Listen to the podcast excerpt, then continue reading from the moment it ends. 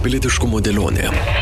FM99 laidos apie tai, kas vyksta aplink, apie karo pasiekmes Lietuvai ir pasauliui, pilietinės visuomenės svarbą, dezinformaciją ir gebėjimą ją pažinti, kultūros įtaką, kuriant imperialistinę visuomenę ir kaip išlikti atspariems išorės grėsmėms. Klausykite. Šį antradienį radio stoties FM99 eterija Niderlandų karalystės ambasadorius Lietuvoje Jack Roberts Twist Quarles Van Ufort ir jo žmona Janet Anderson. Klausykite pokalbį radio stoties eterija 10 val. 30 minučių. FM99 eterija antradienį 10.30, kartojama ketvirtadienį, šeštadienį ir sekmadienį. Laidą surasite ir FM99 radio podcast'o epizoduose bei YouTube kanale. Pilietiškumo dėlionė. Klausykite šiandien. Sveiki, bičiuliai, studijoje prie mikrofono Liudas Ramanauskas, kaip girdėjote iš mūsų anonso, šiandien Lietuvoje Švento Benedikto gimnazijoje lankosi Niderlandų karalystės kariai, kurie tarnauja NATO pajėgų batalione Rukloje. Na, o štai šiandien mūsų studijoje galiu pasveikinti naująjį Niderlandų karalystės ambasadorių Lietuvoje, kuris savo kadenciją pradėjo netaip seniai, jeigu neklystu, rūpyčio mėnesį, Jack Robert Twist, Quarles One Ufort. Labadiena. Labadiena. Malonu Jūs matyti. Taip pat šiandien mūsų studijoje jo žmona Janet Anderson, buvusi BBC žurnalistė, korespondentė Vakarų Afrikoje, žmogaus teisų specialistė, komunikacijos ekspertė. Na, galima vardinti, ko gero, vardinti Labadiena. Halo. Taip pat mūsų studijoje šiandien ambasados vyriausias patarėjas Justinas Lingevičius. Justinai, laba diena. Sveiki. Paprašysiu Jūs būti mūsų šiandienos vertėjų ir galbūt pirmas klausimas labai tradicinis. Pirmieji įspūdžiai Lietuvoje dirbate nuo rūpjūčio mėnesį, gerbiamas ambasadoriau. Vis dėlto kokie tie pirmieji įspūdžiai atvykus į Lietuvą? First impressions. Yeah, first My uh, impressions. first impressions is uh, first of all that I'm extremely glad to be here in a radio studio, not just because I brought my wife, who uh, uh, I got to know because she was working for the BBC, but also because as a student I was working in a radio studio myself, not as professional as your studio. Um, Tai pirmiausia, ambasadorius labai džiaugiasi būdamas e, radio studijoje čia, nes ne tik jo žmona yra buvusi BBC korespondentė, tačiau jis ir pats pradėjo savo karjerą nuo darbo radijoje. Wow. But I'm also very glad to be here uh, uh, in Alitus. This is my first visit. I arrived in the country in August. Uh, have been uh, traveling obviously to our troops in Rukla. You were referring to that uh, uh, already. And Kaunas and Klaipeda is my first time in Alitus. Tai kadangi ambasadorius pradėjo savo kadenciją Lietuvoje rūpiučio mėnesį, tai yra jo pirmasis vizitas jau teko lankytis Klaipėdoje, Kaune, taip pat lankyti karius Rukloje. And uh, I have to say that during my four months in Lithuania, I'm impressed by many things. The access and the close relationships between the two countries and uh, Lithuanians and, uh, and Dutch people. Just to give you one example, uh, most Lithuanian students nowadays who are studying abroad are studying in the Netherlands. Tai ambasadorius iš tiesų per keturis mėnesius jau spėjo pamatyti ir yra sužavėtas e, labai glaudžių ryšių tarp e, dviejų šalių, kurie pirmiausiai prasideda nuo e, augančių lietuvių studentų skaičiaus Niderlanduose. And we have a very professional relationship, uh, uh, Lithuania and the Netherlands, and that's also helped that we both have a very direct way of communicating. So it is very clear right away whether you can do business, so to say, or whether you can't. A, Taip pat e, sieja bendrai labai geri santykiai skirtingose srityse, nes e, tiek lietuviai, tiek e, olandai turi bendrą bruožą, nes yra linkę e, sakyti dalykus e, tiesiai ir tiesmukai. Tai tas padeda na, skirtingose veiklose. But I'm also extremely impressed by the strategic foresight that uh, your country has. I just have to mention the LNG terminal, uh, uh, Independence in Klaipeda, that already in 2014 that decision was taken to de uh, cut from the uh, dependency on energy imports from Russia. Ambasadorius taip pat sužavėtas na, Lietuvos strateginiu mąstymu, ypatingai energetikos srityje ir, pavyzdžiui, na, jau pastatytų suskistintųjų dujų terminalu, kuris šiame kontekste tapo itin aktualiu ne tik Lietuvai, bet ir Europai. And that brings us maybe to the elephant in the room, uh, and that's uh, Russian aggression and the war of aggression against uh, uh, the Ukraine. Again, I'm extremely impressed by what the Lithuanian government uh, has been doing and uh, leadership role that has been played both by your president, your prime minister, and your minister of uh, ministers of foreign affairs uh, and defense, but also of you as the media, uh, the people, the citizens, the businesses how you have been uh, stepping forward time after time. Just one example the current uh, uh, campaign by the Lithuanian Red Cross in collecting the sleeping bags that are so necessary at this particular moment in the Ukraine.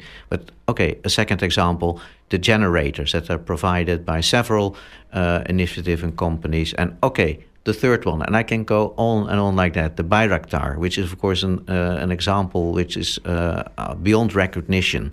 Uh, really impressed by that. Uh, tai Rusijos agresijos prieš Ukrainą kontekste ambasadorius taip pat labai sužavėtas bendrai Lietuvos lyderystė, tai ką daro Lietuvos vyriausybė, politikai, bet taip pat uh, kaip stipriai Ukraina remia žiniasklaidą, verslo bendruomenę, taip pat žmonės ir jis mini bent keletą pavyzdžių, pavyzdžiui, pradedant nuo akcijos rinkti mėgmaišius, taip pat elektros generatorius, Bairaktar droną, kuriam taip pat žmonės paukojo pinigus, tai kad iš tiesų ta parama yra didžiulė ir lyderiauja tame. And, and you lived through a history of 200 years at least of Russian aggression here in Lithuania and in the region. Some people tell me it's even longer. And uh, for us, uh, we are, of course, geographically further away from Russia. Uh, so we had, for a long time, a slightly different perspective. But we were rudely awakened in 2014 with the downing of the MH17 over the Donbass. 200 Dutch people, uh, families died overnight on their way to uh, their holidays in Indonesia. And that for us was a kind of uh, a watershed moment uh, when also those who were thinking that economic relations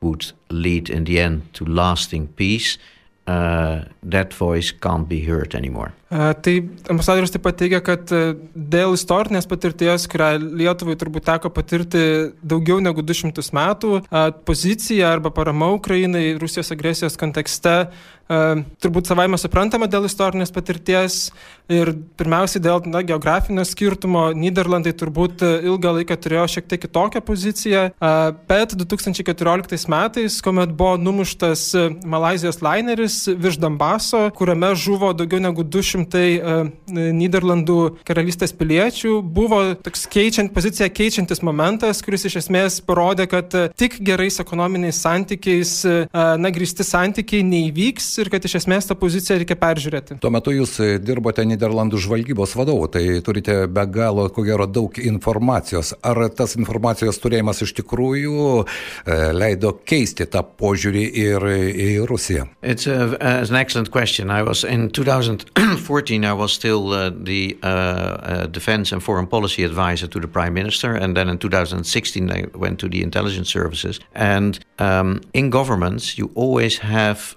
uh, competing interests, and around that table. I have always been uh, coming from the security and uh, defense side. So we have been already for years warning about the threat of completely connecting your energy supply uh, to basically one supplier. On the other hand, there were, of course, also people sitting around the table that were reasoning from uh, an uh, economic perspective, a business perspective. And in the end of the day, it has really indeed helped us uh, from the defense and in, uh, security intelligence side to understand that discussion and the information that we had present in a way that it was not seen that we were just kind of only seeing ghosts from the past, but we saw threats uh, for the future and that we had an eye for economic interest because the original idea was that just want we just wanted to close down uh, the whole industry uh, never mind as long as we were secure and that's obviously not the way because also economic security is part of a country's security. Uh, tai tuo metu 2014 metais ambasadorius buvo uh, ministro pirmininko patarėjų užsienio politikai ir saugumui, tapo žvalgybos vienu iš vadovų 2016 metais ir kaip jis teigia, uh, na tuo metu iš tiesų iš turimos informacijos matė galimas grėsmes, taip pat, e, na, politika yra toks skirtingų interesų laukas, tai, na, iš savo pusės bandydavo pristatyti apie tai, kad e, galbūt priklausomybė nuo vieno energetikos tiekėjo kelia tam tikras grėsmės ir rizikas, bet aišku, aplink stalą sėdėjo ir tie, kurie, na, kalbėjo apie ekonominius interesus, apie galimą naudą. Todėl, na, tai buvo nuolatinė diskusija ir iš esmės 2014 metų įvykiai parodė, kad, na, ta priklausomybė nuo vieno šaltinio iš esmės neveikia, reikia ieškoti būdo, kaip, kaip tą situaciją spręsti. Ok, Ms. Janet, esate tarptautinio teisingumo stebėtoja, ekspertė. Žinau, kad jūs dirbote su Randos žurnalistais ir šalis, kuri patyrė genocidą. Kaip jūs dabar galėtumėt per tą patirtį vertinti dabartinę situaciją Ukrainoje, ukrainiečių padėti šiuo sudėtingu laiku? Mes štai čia kalbamės, o ten vyksta karas, ten sproksta raketos ir bombos. It is the dominant, the most important conversation that is happening in international justice. Everybody in my world sees Ukraine as a very important example of war crimes, of how to investigate, how to coordinate investigations of crimes against humanity, potentially of genocide. It is, and even of aggression. So it is the case that dominates all discussion in The Hague. Taigi Ukrainos atvejis Hagoje dabar yra dominuojantis ir pagrindinis e, klausimas ir tema, e, nes na, tai yra kelia klausimus tiek apie e, karo nusikaltimus, apie tai, kaip juos reikėtų tirti, kaip tirti nusikaltimus žmogiškumui, galimai genocidą ir agresiją. Tai, tai yra na, pats pagrindinis klausimas dabar. One question from that is Does that mean that other places which have very bad things happening, Myanmar, for example, uh, Syria, for example, are they now being neglected? Or is now Ukraine an example for us of how the world should react when there is this kind of violence? Ir kartu klausimai ir dėmesys Ukrainai toliau kelia klausimus, o kaip yra su kit kitais kraštais, kitomis šalimis, pavyzdžiui, e, Mianmaro arba Sirija, kur problemos yra panašios, tai ar tie atvejai jau yra nebeaktualūs, ar Ukraina tampa tuo pagrindiniu pavyzdžiu, kuris iš esmės atskleidžia kažkokį naują požiūrį į tai, kaip mes turėtumėm suprasti tai, kas dabar vyksta pasaulyje. Kalbant ne tik apie Ukrainą, specialus tribunolas Vladimirui Putinui ir kitiems karo nusikaltėliams. Aš čia norėčiau klausimą adresuoti abiems mūsų svečiams. Jūsų nuomonė, ar jis įmanomas ir kaip tai gali įvykti arba vykti? I think my husband will give you an official answer from the Netherlands. I will give you a journalistic answer. Um, so I will leave him with the last word. Um, in my view, it is possible and um, I think that it is likely to happen. But there are many questions around it uh, as to how effective it will be to try to have a tribunal, maybe where the main character does not appear, so that you try him at a distance. Is this worthwhile? If you consider it is worthwhile, if you can do it quickly, if it will not cost too much money, I think there will be a number of ticks for it. But there's a big question. Ambasadoriaus žmona palieka oficialią poziciją atsakyti ambasadoriui, o ji kaip žurnalistė, besigilinanti į šią sritį, teigia, kad yra tokia galimybė ir yra tikimybė tą padaryti, klausimas yra, kiek toks tribunolas būtų efektyvus, todėl kad, na, tai tikriausiai būtų uh, jis vykdomas per atstumą, uh, nedalyvaujant, na, pagrindiniam veikėjui arba pagrindiniams veikėjams.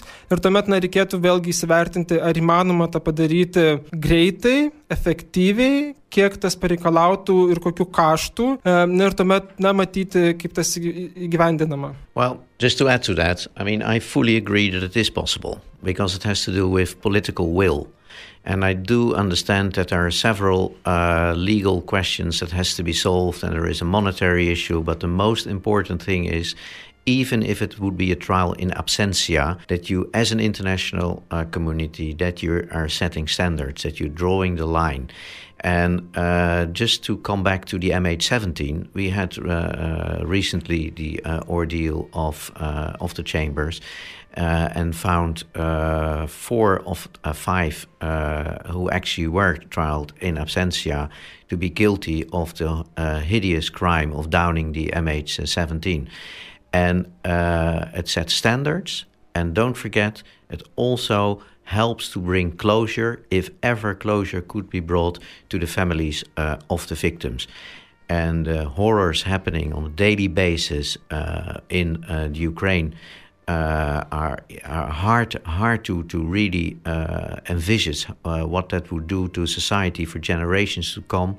I think this can only lead to and should lead to a legal ordeal of an international body or partly of a Ukraine body. Tai ambasadoriaus nuomonė iš tiesų tokia galimybė yra ir net ir nepaisant to, kad na, pagrindiniai teisėmėjai galbūt nepasirodytų e, procese, tačiau tas iš tiesų kuria standartus ir tas yra ypatingai svarbu e, tarptautiniai bendruomeniai, nustatant naujus standartus, kaip e, atliepti šios įvykius. Ir jis taip pat pateikė pavyzdį e, na, neseniai įvykusio, įvykusio teismų proceso Niderlandų karalystėje, kuomet nedalyvaujant pagrindiniams įtariamiesiems buvo priimtas sprendimas nuteisti tuos, kurie numušė Malazijos lainerį Donbase. Ir tai irgi yra labai svarbus argumentas ypatingai šeimoms, e, nes tai na, padeda galbūt atliepti teisingumo poreikį ir ypatingai to, kas dabar vyksta Ukrainoje, tai ypatingai sunku įsivaizduoti, ką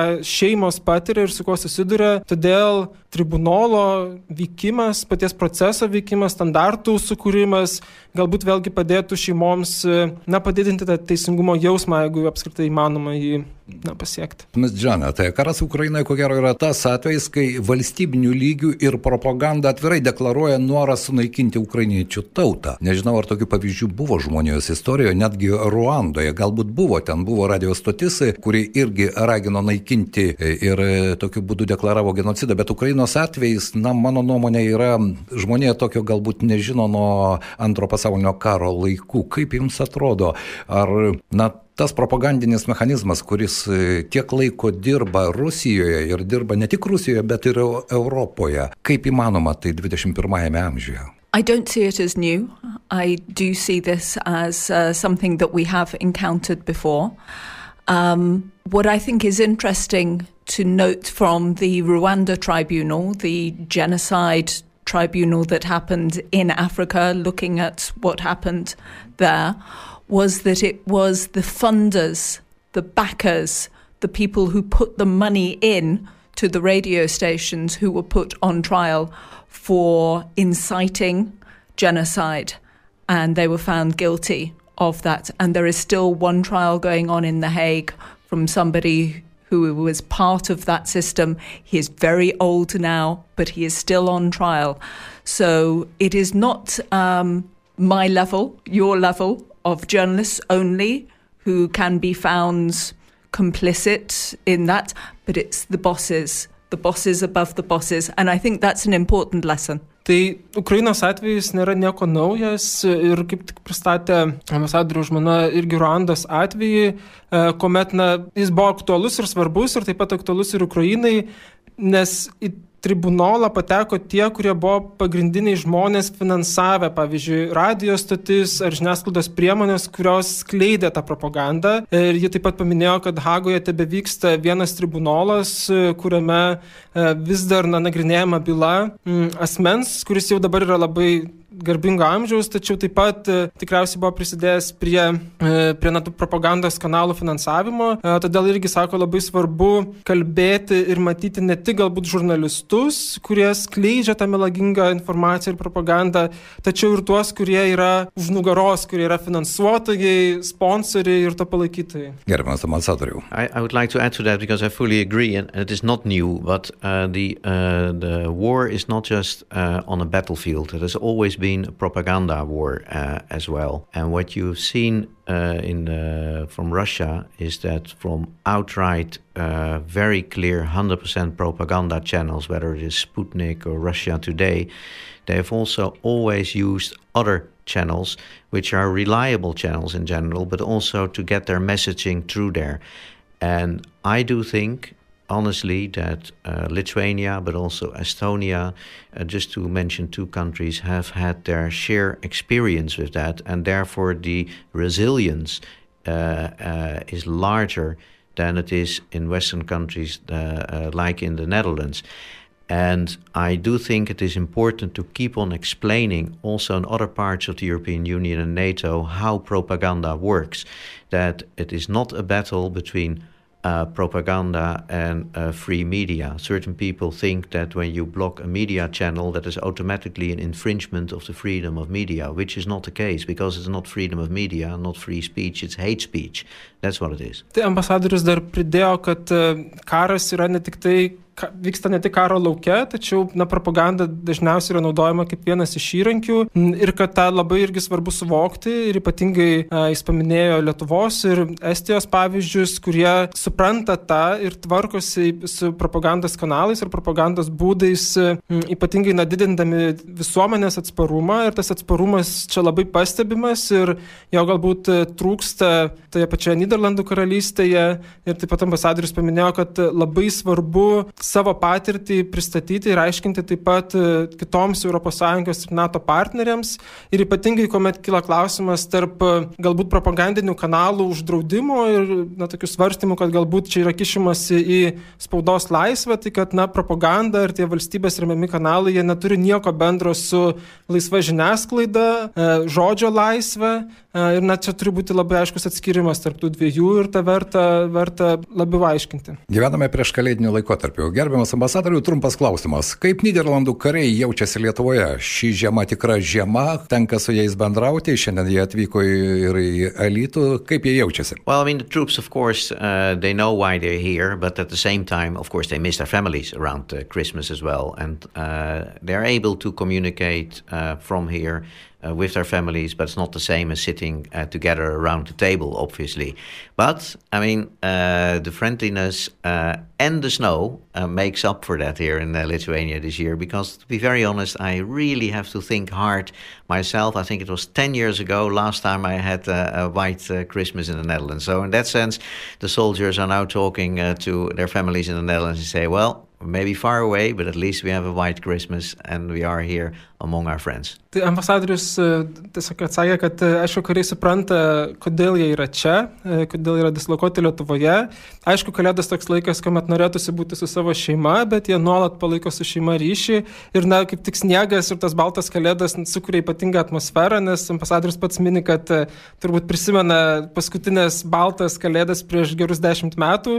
Todėl, na, turbūt tai pakelia nuotaiką ir patiems kariams, kad jie gali pasidalinti su savo šeimomis, na, snieguotų šventinių vaizdu atgal į Niderlandų karalystę. Ir mūsų pokalbio pabaigoje paprastas klausimas abiem mūsų svečiam ir ambasadoriumi Džana, tai ar vis dar tikite kalėdų stebuklu? I would, I would love to uh, believe in Christmas miracle and uh, Christmas miracle for me would be indeed uh, a full liberation uh, of the Ukraine and the end of the uh, aggression. And uh, uh, I don't know uh, uh, what I need to do uh, to get that Christmas miracle, but I will feed the reindeer for the rest of my life. And I do not believe in Christmas miracles. I am happy with the simple pleasure of having my family here at Christmas and enjoying together with them. That is, um, that's good enough. Tai ambasadorius teigia, kad taip, jis tiki stebuklais ir turbūt didžiausias stebuklas jam būtų pilnai išlaisvinta Ukraina, Ukrainos teritorija ir agresijos pabaiga. Ir kaip jis jokauja, kad jis toliau, toliau maitins kalėdinius elnius tam, kad tas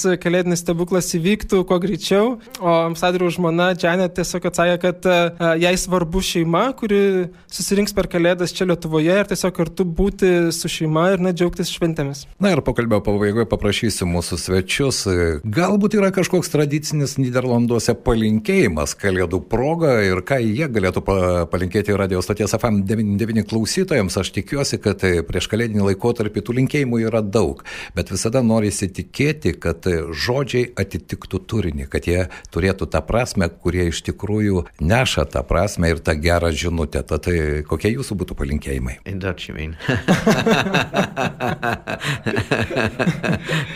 Kalbu Nederlandiska, ja? uh, we, we would always say it depends a little bit where you are from the part of the country. I'm from the south of the country, uh, which is a Catholic part of the country, and we would always say Zalig Kerstmis, which means uh, a blessed uh, uh, Christmas. Uh, we come for the Christmas time, we come together in our churches for the Christmas Eve, obviously.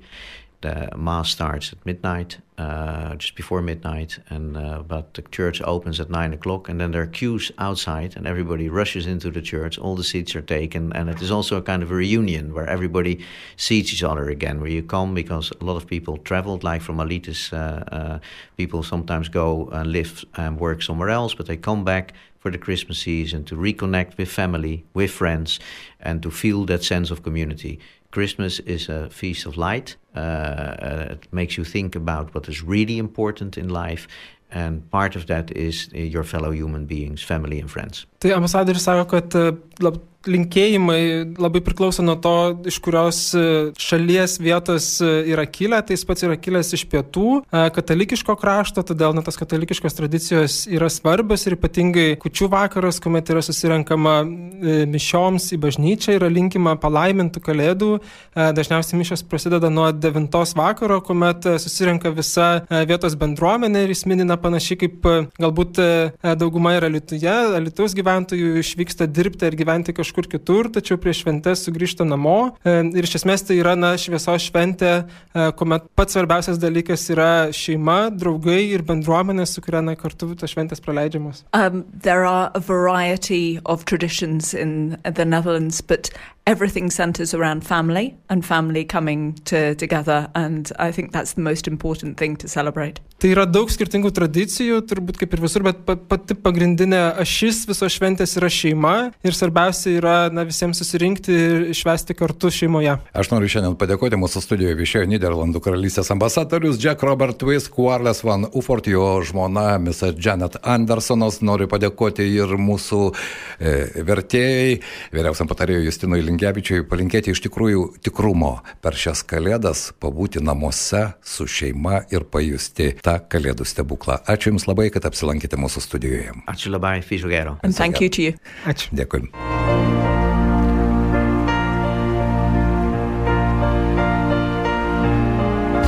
Pilietiškumo dėlionė.